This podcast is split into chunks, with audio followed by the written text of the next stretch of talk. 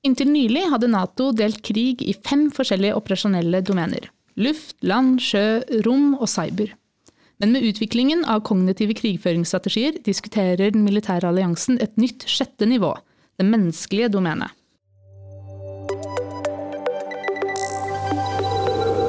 Ugradert, en podkast fra Forsvarets forskningsinstitutt.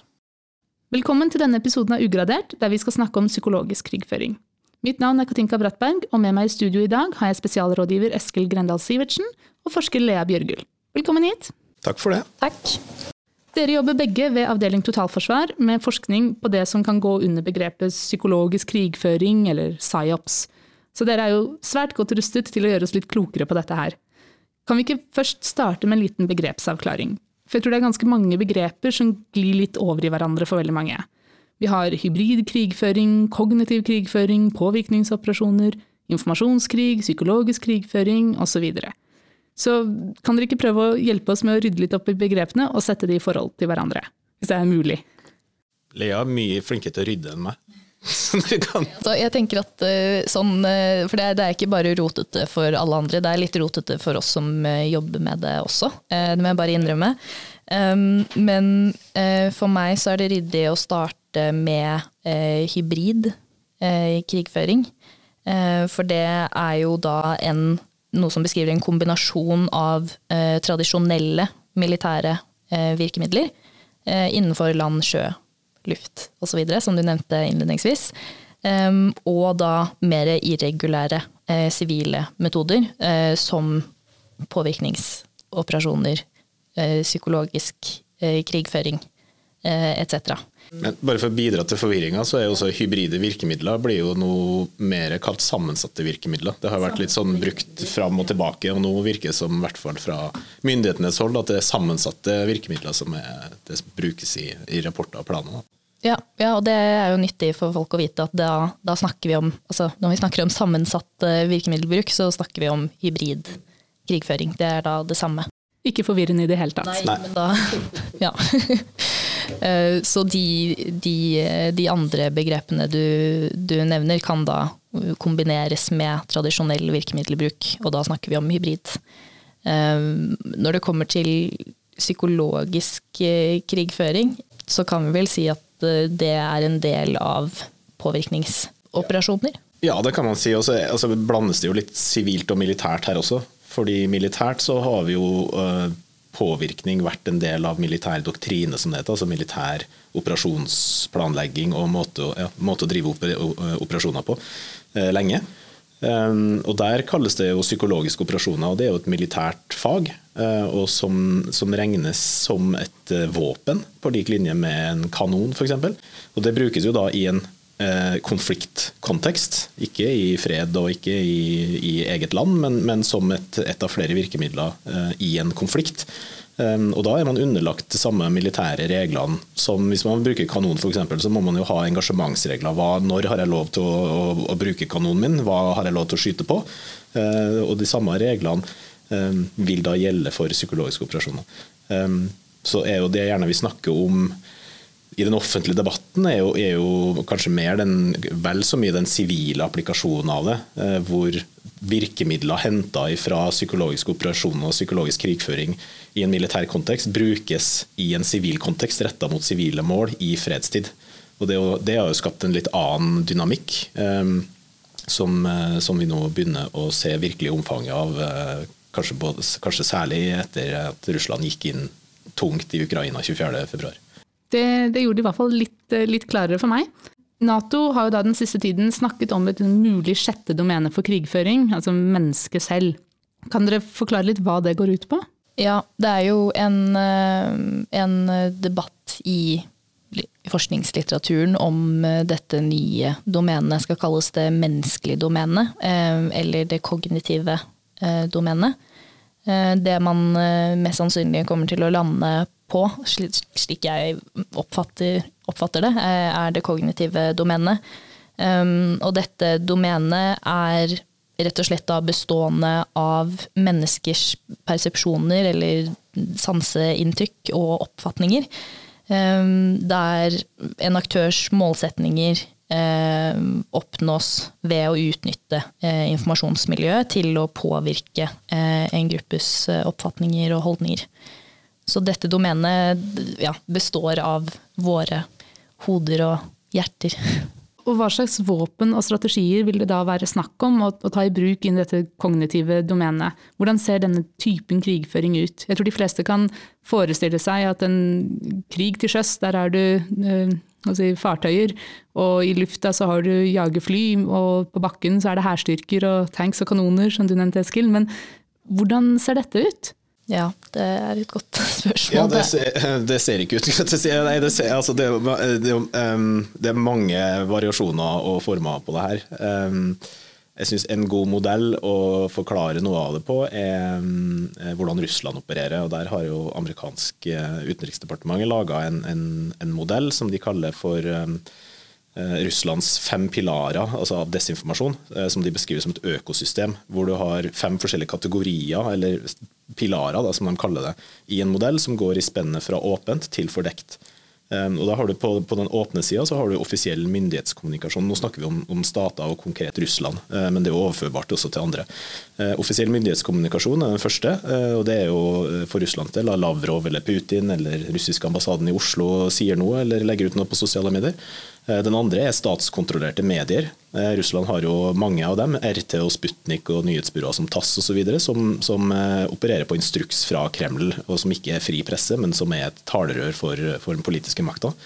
Tredje kategorien er såkalte proxy, proxy-sider, eller proxy-aktører, som er tilsynelatende uavhengige nyhetsplattformer eller tenketanker ofte på vestlige språk, eh, som henvender seg til et vestlig publikum, eh, men som er, som er kontrollert direkte eller indirekte av russiske staten eller russisk etterretning, eller også oligarkene rundt Putin.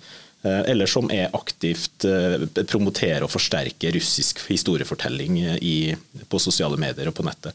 Eh, fjerde kategorien er, er, sosiale medier, og da snakker vi om bruk av falske kontoer og automatiserte bots osv. Og, så eh, og den siste er cyber-enabled disinformation, som, da er vi over i, i cyberverdenen med f.eks. at du overtar en eh, nettside, og så forandrer du innholdet på den nettsida, eller, eller såkalte hack and release-operasjoner hvor du bryte deg inn på f.eks. i 2016-valget i, i, USA, hvor Russland eh, forsøkte å påvirke i stort omfang, så var jo en av de tingene de gjorde å bryte seg inn på mailserveren til demokratene. Og så stjal de disse e-postene fra Hillary Clinton, som de da lekka på et taktisk tidspunkt i valgkampdebatten for å påvirke debatten.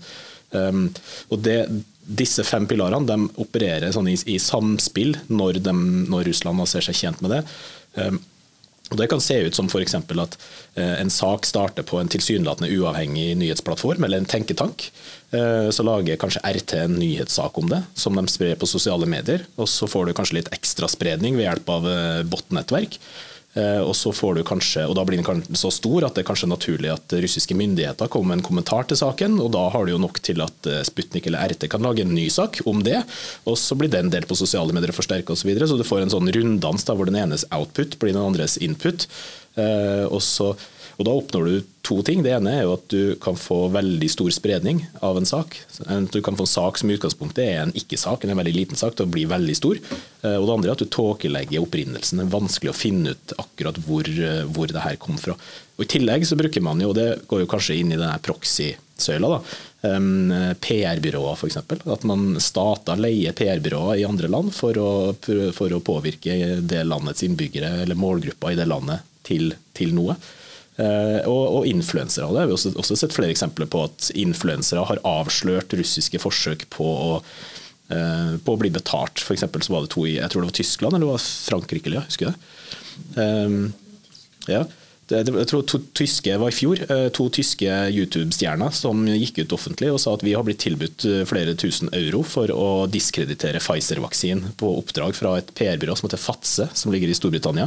Eh, og Det syntes de ikke var greit, så de blåste jo det på sine YouTube-kanaler. og Det er jo sånn vi kjenner til det. Fatse var et PR-byrå basert i Storbritannia, men eid av russiske interesser. Og Eh, og, men vi vet jo ikke hvor mange som tok tilbudet. ikke sant? Så det er utrolig vanskelig å kartlegge, kartlegge og komme til bunns i hva som egentlig skjer. Det blir mye tåke og speil og røyk. Det som illustreres godt ved den modellen som Eskil beskriver her, er jo at det er ikke Vi tenker jo stort sett kanskje på eh, virkemidler på sosiale medier som på en måte våpenet i Nå lager jeg anførselstegn for dere, dere som hører på. Eh, innenfor eh, kognitiv eh, krigføring. Eh, men det er et viktig poeng at det er flere andre nivåer her også, som er som om det ikke er vanskelig nok for oss å oppdage påvirkning på sosiale medier, men det er flere nivåer igjen da, som også er, er vanskelig å, å se. Og, og, målet med disse operasjonene er jo da å si, påvirke hva vi som mennesker tenker og gjør. Og på den måten så gjør altså kognitiv krigføring, slik dere legger det fram, menneskenes sinn til eh, slagmarken, egentlig. Hva ønsker de å oppnå? Hvordan ønsker de at vi skal handle? Jeg tenker at det er eh, nyttig å se på det på et litt mer overordnet nivå. At dette er ikke eh, kognitiv krigføring i sin kjerne er ikke så annerledes enn den tradisjonelle krigføringen vi er vant til. fordi målet er å skape en fordel for seg selv Eh, å oppnå sine strategiske mål og ønsker i det internasjonale eh, systemet. Og det, det er jo på en måte den samme kjernen i tradisjonell eh, krigføring. Så jeg syns det hjelper litt å, å tenke litt sånn på det. Ja, også til forskjell fra å bruke Man kan jo bruke militærmakt for å, for å tvinge seg til den fordelen, men det er jo langt rimeligere og mindre risikofylt eh, å, å forsøke å påvirke hodene og hjertene til forskjellige målgrupper for å oppnå de samme målene, enn å, enn å gå til krig. Da. Eh, så det vi ser er jo at stater bruker det som eh, både som et alternativ til tvangsdiplomati eller, eller militære virkemidler, eh, men også i tillegg til, eh, sånn som Russland, f.eks. et skrekkelig, eh, skrekkelig godt eksempel. Det er vel kanskje et uttrykk som passer i en sånn anledning på hvordan de bruker kombinasjon av krigføringsmetodikk i altså informasjonskrig kombinert med militære virkemidler for å, for å oppnå de effektene de vil. Og som dere sier, så er det jo veldig vanskelig å avdekke uh, alle disse påvirkningsoperasjonene som, som, sikkert pågår hele tiden rundt oss. Og et skrekkscenario er jo at borgerne i et krise- eller krigsrammet land vil kunne gå rundt som helt uvitende femtekolonister. Uh, hvordan kan vi som privatpersoner, eller samfunnet for øvrig, beskytte oss godt mot denne type krigføring? Eh, jeg tror det er flere ting. Eh, og så tror jeg det kan være hensiktsmessig å se på det på flere nivåer. Hvis man starter på samfunnsnivå, da, på, på, topp, så, så, er jo en, en utfordring med påvirkningsoperasjoner, i, særlig i fredstid, men det vil nok også være samme i, i krig, er at det retter seg mot uh, forskjellige sektorer. Forskjellige, uh, det kan nesten være hva som helst i samfunnet. Eh, en eller annen eksisterende konflikt, et eller annet politisk forhold, altså en eller annen sak som kan tas tak i og, og forsterkes eller fordreies eller, eller, brukes til å skape sinne eller mistillit. Um, Utfordringa vi har i dag, er jo at dette foregår veldig subtilt med fordekte metoder. Um, så det er vanskelig å se det. Man kan kanskje se enkeltstående eksempler på desinformasjon. Det tror jeg nok alle har sett masse av, særlig under pandemien. Men når dette settes i system, og det gjøres på veldig subtile måter, så, så, så er det veldig krevende å oppdage. og Da må man ha stordataanalyser og nettverksanalyser for å finne ut av det. En uh, utfordring vi har på samfunnsnivå i dag, er at vi ikke har den situasjonsforståelsen som vi trenger. Jeg pleier å bruke sånt bilde, du var jo litt inne på det i stad faktisk, men eh, på FOH eh, Forsvarets operative hovedkvarter, hvor man driver, sitter og driver militære operasjoner, så eh, vet man jo godt at vi, for å gjøre det, så må vi ha situasjonsforståelse. Vi må forstå hva som skjer rundt oss for å ta de riktige avgjørelsene for hva, hva vi skal gjøre. Um, jeg liker å se for meg sånn tre skjermer oppe FAO. De har nok noen flere. Eh, men, men du har en, en, Vi deler informasjonsmiljøet da, i tre eh, deler, dimensjoner. Hvor den fysiske, og den virtuelle og den kognitive dimensjonen. Eh, den fysiske dimensjonen de har, de, de liker jeg å se for meg denne skjermen på FOH. Der, der, ser du flyene i lufta, og fartøyene på sjøen, og ubåtene under havet, og hva som foregår på land. Så Der har vi kontroll. Ehm, og vet at det er viktig. Eh, siste årene så har vi også forstått at eh, cyber eh, verden er veldig viktig å følge med på, ha situasjonsforståelse. Så der har vi jo putta masse ressurser inn og, og begynner å bli ganske gode på å ha situasjonsforståelse i den virtuelle dimensjonen. Men den kognitive den kognitive skjermen den er ganske svart, fordi det er ingen i Norge i dag som sitter og har et overordna ansvar for å se på påvirkning mot hele det norske samfunnet i helhet. Fordi det blir håndtert i sektorprinsippet. Så hvis man utnytter en kontroversiell sak, f.eks. i, i helse, helseområdet, da, nedleggelse av et sykehus f.eks. kan jo skape masse rabalder og protester på sosiale medier som kan forsterkes, og så kan jo det brukes til å forsterke, ja, den konflikten kan forsterkes. Det vil jo bli en helsesak, så da vil det være Helsedepartementet som vil få et ansvar for å håndtere den saken. Eh, men hvis de ikke eh, forstår eller har teknikker eller kunnskap til å avdekke at det er, kanskje, at det er noen påvirkning som ligger bak dette, så, så, vil de håndtere det som en helsesak. Og Da har vi ikke fanga det opp. Og Den totaliteten av påvirkning som rettes mot samfunnet på alle mulige forskjellige nivåer, den er veldig vanskelig å få oversikt over. Så vi trenger en funksjon mener jeg, på, på strategisk nivå i samfunnet som ser på, på en sånn uh, kartleggende oversikt. Uh, og så har vi jo ned på individnivået. Og nå har jeg snakka så lenge at da kanskje Lea kan få si litt om individnivået? Ja, på individnivå så, så er det jo kildekritikk og, og kunnskap som, eh, som, er viktig. Uh, en del av den forskningen vi har gjort i vår gruppe på, på FFI, viser jo at hvis man får spesielt muntlig eh, informasjon om hvordan påvirkning eh, fungerer, eh, så blir man litt mer robust eh, mot å bli påvirket.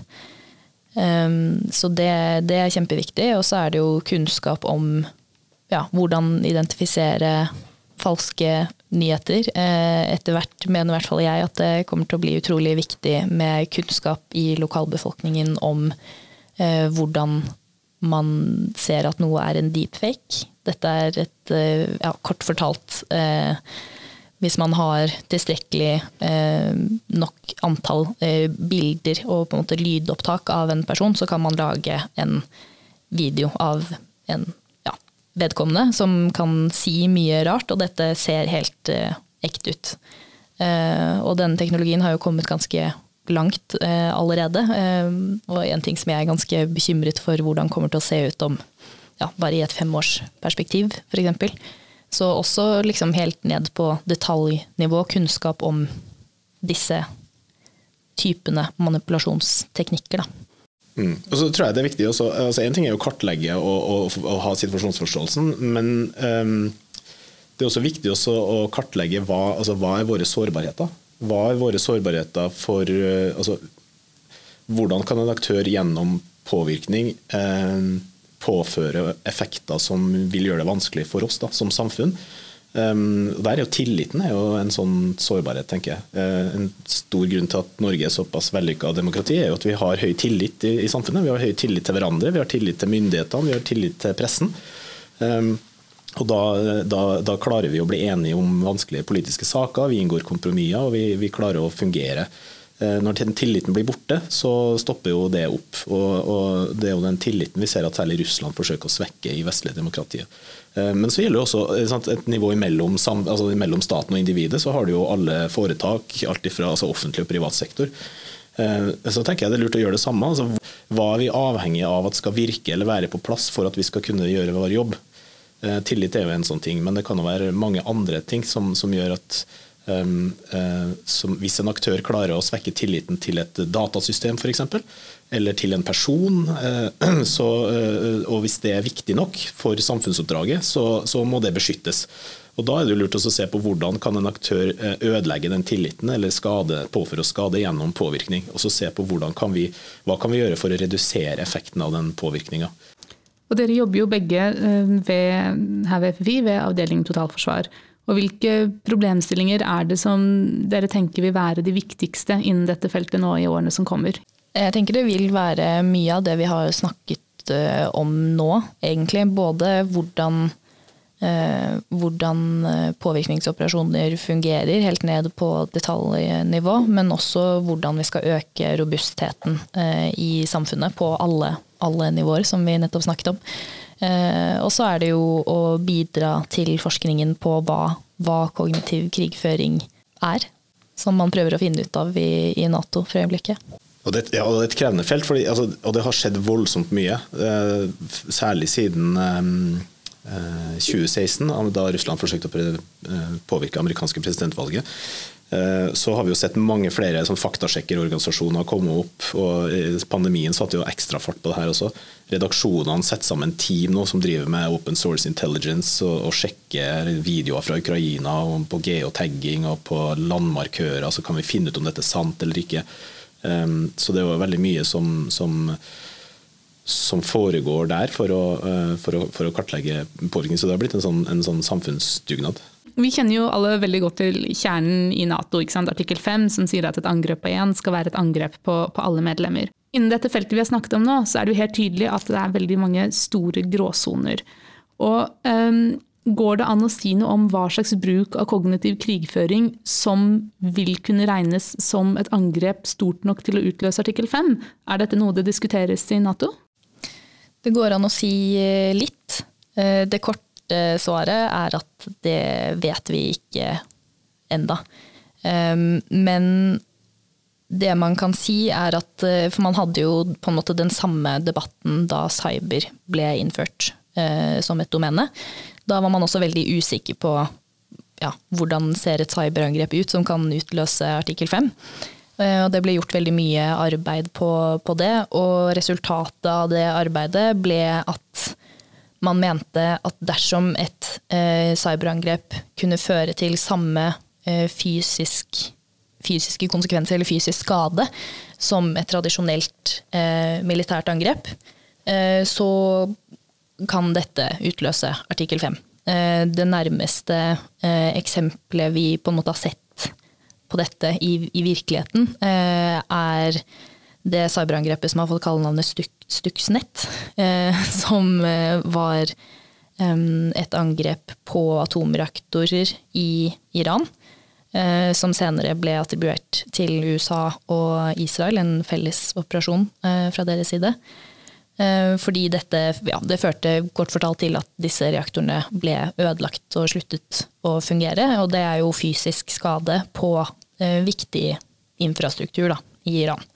Så det, det, det, korte, det nærmeste vi kommer et svar, er vel egentlig at hvis vi skal følge de, de normene som er gjeldende per i dag for de andre domenene, eh, så er svaret at dersom et angrep innenfor det kognitive domenet kan få samme eh, fysiske effekt som innenfor disse andre domenene, eh, så kan det utløse artikkel 5. Men så er jo poenget at det er jo veldig vanskelig å se for seg. Hvordan en påvirkningsoperasjon eh, f.eks. Eh, skal ha sånne effekter. Det er jo ikke utenkelig at en påvirkningsoperasjon fører til enkelte handlinger, som igjen fører til en signifikant fysisk effekt. Men problemet da er at normene per i dag forutsetter at det er en direkte effekt mellom angrepet og den fysiske effekten. Eh, og i det scenarioet jeg beskrev her, så er det jo en indirekte effekt. Eh, så det er flere sånne, syns jeg, veldig spennende eh, småting eh, som må finnes Ja, som vi må finne ut av. Um, men så er jo da Altså alternativet er jo ok, skal vi da gå bort fra de normene og reglene vi har som gjelder innenfor de andre domenene, og på en måte tenke nytt? Innenfor det kognitive domenet, og se på hva som ja, hvilke effekter som på en måte fortjener å utløse artikkel 5 eh, utenom fysiske effekter. Det er et eh, åpent, eh, veldig spennende spørsmål. Og helt til slutt, eh, hva tror dere? Vil hjernen være slagmarken i det 21. århundre? Er det grunn til å være pessimister og engstelige? Nei, altså, jeg tror Hjernen har jo alltid vært slagmark, har den ikke det? Altså, Påvirkning er jo ikke noe nytt. Desinformasjon er jo ikke noe nytt. Dette har jo mennesker drevet med siden tidenes morgen. Eh, vi lyver for hverandre, vi manipulerer hverandre, og dette er jo sånn sett ikke noe nytt, heller ikke i krigføring. Eh, det, men det som, er nytt, det som, er nytt, er jo at det har jo en voldsomt mye større effekt pga. internett og sosiale medier. Sånn at eh, behovet for kunnskap øker voldsomt. Og og, tror, og, Det er jo det vi ser nå. også Forskninga på påvirkning er jo også blitt mye mer omfangsrik nå bare på veldig få de siste årene. Um, men også litt sånn fragmentert. Så det er mange miljøer som driver med det. Alt fra forskningsinstitutter, universiteter, akademiske miljøer og analysebyråer. Men det er fortsatt ganske sånn mye kunnskap er laga. Eh, det er et felt i rivende utvikling. Eh, vi har fortsatt litt sånn uklare begreper. Vi bruker litt forskjellige begreper. så Det er behov for en, en sånn eh, sammenstilling av kunnskap. Vi, altså, dette er jo naturlig utvikling. For å, for å for å komme til bunns i dette. Samtidig så er det jo et felt som er, uh, utvikler seg konstant, med teknologiske muligheter som, som er vanskelig å forutsi. Uh, politiske, altså hvordan verden ser ut, er jo sånn, Påvirkningsoperasjoner vil ta utgangspunkt i å utnytte uh, forholdene som ligger der. Og De forholdene er jo veldig uforutsigbare for tida, og vil nok være det i ganske lang tid. Og aktører forbedre og forandre og tilpasse hele tida sin virkemiddelbruk. Og vi som driver og kartlegger og forsker på det her, må jo da hele tida forsøke å finne ut hva de driver med nå. Eh, og hvordan, kan vi, og hvordan forandrer det seg for oss? altså Hva må vi oss, gjøre for å beskytte oss mot det? Så Det blir en litt sånn, eh, sånn katt og mus-lek på mange måter. Hvor vi forsøker å se aktørene i kortene og forstå hva de driver med og hva de forsøker å oppnå. og og komme med gode anbefalinger for tiltak for hvordan vi skal beskytte oss. Eh, og Så finner jo dem da andre måter å gjøre det på. så Vi blir jo ikke arbeidsledige med det første, tror jeg. Eller, ja. Nei, jeg tror ikke det. Tusen takk for at dere hadde tid til å komme og gjøre oss litt klokere her. Hvis du som lytter eh, ønsker å lære mer om disse temaene, så finner du masse informasjon på ffi.no.